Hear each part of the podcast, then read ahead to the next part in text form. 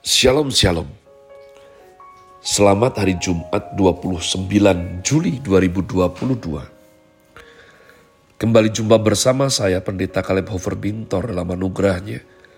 Penuh sukacita sampaikan pesan Tuhan melalui Grace Words, yakni suatu program renungan harian yang disusun dengan disiplin kami doakan dengan setia. Supaya makin dalam kita beroleh pengertian mengenai iman, pengharapan, dan kasih yang terkandung dalam Kristus Yesus. Sungguh besar kerinduan saya bagi saudara sekalian, agar supaya kasih kuasa firman Tuhan setiap hari tidak pernah berhenti menjamah hati, menggarap pola pikir dan paling utama, hidup kita boleh sungguh berubah menuju Christ likeness. Berada dalam season autumn, bulan ini masih boldness for the king. Grace Word hari ini merupakan bagian terakhir dari warrior. Ya. Each milkamah. Warrior. Para pahlawan Tuhan. Mari bergegas kita membuka yakni 2 Samuel 23 ayat yang ke-16 17 sebagai fondasi saya berbagi pesan Tuhan hari ini. 2 Samuel 23, 16, 17, lalu ketiga pahlawan itu menerobos perkemahan orang Filistin. Mereka menimba air dari perigi Bethlehem yang ada dekat pintu gerbang, mengangkatnya dan membawanya kepada Daud. Tetapi Daud tidak mau meminumnya, melainkan mempersembahkannya sebagai korban curahan kepada Tuhan. Katanya, jauhlah daripadaku ya Tuhan untuk berbuat demikian. Bukankah ini darah orang-orang yang telah pergi dengan mempertaruhkan nyawanya dan tidak mau ia meminumnya. Itulah yang dilakukan ketiga pahlawan itu. Nah umat Tuhan, kita sudah membahas bagaimana tiga pahlawan ini disebut Triwira Daud. Mempunyai ranking yang luar biasa. Dan bahkan umat Tuhan, terdapat catatan kitab suci yang memberikan perbandingan kepada kita dengan Triwira tersebut. Misalnya 2 Samuel 23 ayatnya ke-18-19, Abisai adik Yoab, anak Zeruya, dialah kepala 30 orang itu. Dia mengayunkan tombaknya melawan 300 orang yang mati di tikamnya. Ia mendapat nama di antara ke-30 orang itu. Bukankah ia paling dihormati? Memang ia menjadi pemimpin, tetapi tidak dapat menyamai Triwira itu. Lalu ada 2 Samuel 23 20 mat Allah. Benaya bin Yoyada, anak seorang yang gagah perkasa, besar jasanya, berasal dari Kabzeel, menewaskan kedua pahlawan besar dari Moab. Juga pernah ia turun dalam lubang dan membunuh seekor singa pada suatu hari bersalju. Pula ia membunuh seorang Mesir, seorang yang tinggi perawakannya. Di tangan orang Mesir itu ada tombak, tetapi ia mendatanginya dengan tongkat, merampas tombak itu dari tangan orang Mesir itu, lalu membunuh orang itu dengan tombaknya sendiri. Itu yang diperbuat Benaya bin Yoyada. Ia mendapat nama di antara ketiga puluh pahlawan itu. Ia paling dihormati tetapi tidak dapat menyamai Triwira.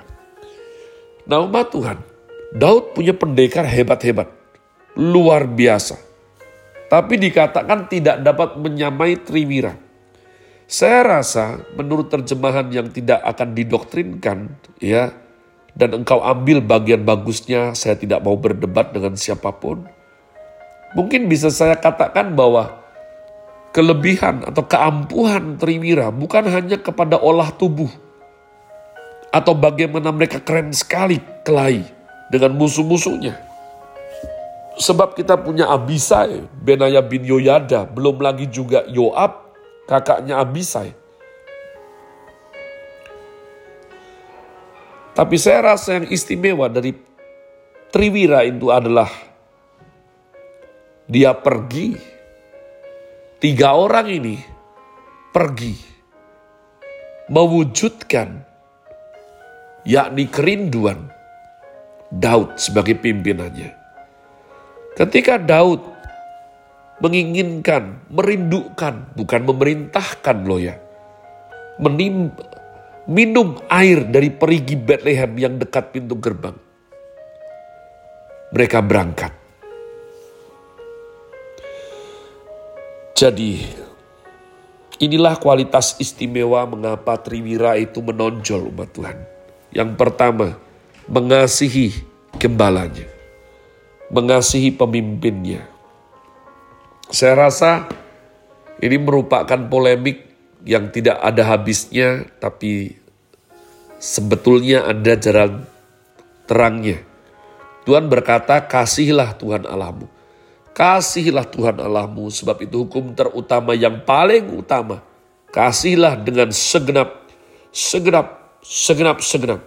Nah, ketika saya berproses dengan pelayanan, dengan penggembalaan, saya berjumpa puji Tuhan dengan banyak orang – Ya, karena apa? Uh, dikatakan saya ini mempunyai urapan konseling ya. Saya bersyukur saya tidak memandang dengan sinis atau menghakimi orang lain. Sehingga mereka merasa dapat mempercayakan kisah ceritanya, pergumulannya untuk diceritakan kepada saya. Maka sering kali,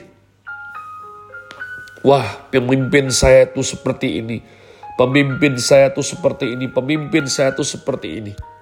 Di lain pihak, beberapa orang yang ada dalam posisi kepemimpinan leadership itu bercerita, waduh, bawahan saya itu susah dipimpin, bawahan saya itu mokong, bawahan saya itu pemberontak segala macam. Ini bisa merupakan suatu contoh yang konkret umat Tuhan. Untuk kita pelajari. Orang-orang yang berproses di Gua Adulam, itu orang tidak gampang semua berada dalam kesukaran, dikejar banyak hutang, dan sakit hati. Itu semua syarat untuk sumbu pendek ya. Tapi kenyataannya tidak demikian. Nah siapa? Siapa yang punya inisiatif terlebih dahulu? Saya percaya pemimpin. Karena dalam satu yang harus dikatakan sebab Allah terlebih dahulu mengasihi kita. Sehingga kita dapat mengasihi dia.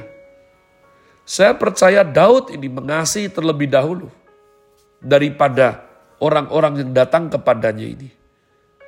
Dan ketika kasihnya itu nyampe di hati mereka, maka bangkitlah orang-orang yang tadinya madesu masa depan suram, menjadi para pahlawan dan berbakti kepada dia. Dan berupaya berikhtiar untuk menyenangkan hatinya. Jadi, apa kualitas yang menonjol dari Triwira yang istimewa, yang sudah susah dibandingkan dengan para pahlawan yang lain. Mereka mengasihi Daud. Mereka mengasihi pemimpinnya. Umat Tuhan, tidak ada pemimpin selama itu manusia itu sempurna. Tidak ada hanya Tuhan Yesus yang sempurna. Dan Tuhan Yesus yang sempurna rindu mengajar kita untuk berproses, bergesekan, belajar menundukkan diri dengan para bapak rohani pemimpin kita.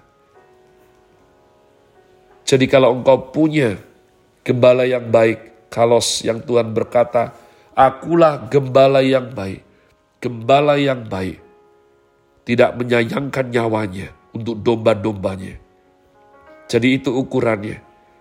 Kalau kau punya pemimpin yang dia betul-betul memperjuangkan engkau, dia ada ketika engkau susah. Dia tidak hanya bersifat mengambil saja, tapi dia sungguh-sungguh tulus melayani dan mengawal, menuntun engkau kepada Tuhan. Belajarlah bersikap seperti Triwira. Belajarlah dengar-dengaran. Berjuanglah sehebatnya untuk jenis pemimpin yang seperti itu. Itulah yang membuat Triwira dikatakan melebihi 30 warrior yang lain. Yang kedua, keberanian berkorban. Seorang gembala yang baik, pemimpin yang baik. Dikatakan Tuhan itu harus berani berkorban bagi dombanya. Dan ini memberikan keberanian berkorban. Orang yang ditimpa kesukaran, dikejar hutang, sakit hati, tiga kriteria penghuni gua adulam itu semuanya selain membuat sumbu pendek juga bisa menjadikan seseorang hidup dengan begitu egois. Tapi sebaliknya, kasih yang penuh pengorbanan. Itu mengubah kehidupan mereka. Dari suatu kehidupan yang suram menjadi kisah heroik yang dipelajari zaman demi zaman sampai sekarang. Dan yang ketiga terakhir, kuasa kesepakatan. Bertempur dalam tim kecil, tiga orang. Menerobos, itu kalau tidak sepakat sulit sekali. Kalau bergerak sendiri-sendiri, sulit sekali. Mereka harus betul-betul mengatur ritme untuk back to back, melindungi bagian belakang. Siapa yang menimba, siapa yang menangkis anak panah, siapa yang berespon ketika tombak itu dijulurkan untuk menghujam mereka. Siapa yang menangkis dengan pedang, orang-orang yang terus berusaha menggempur mereka. Jadi tiga hal ini saya rasa kita bisa pelajari, kita bisa aplikasikan bagaimana kita mengasihi pemimpin kita yang dianugerahkan Tuhan dalam hidup ini, dan kita belajar untuk keberanian berkorban, dan kita belajar untuk bersehati sepakat dengan tim yang Tuhan berikan dalam hidup ini. Have a nice day. Tuhan Yesus memberkati saudara sekalian. Sola. Grazie.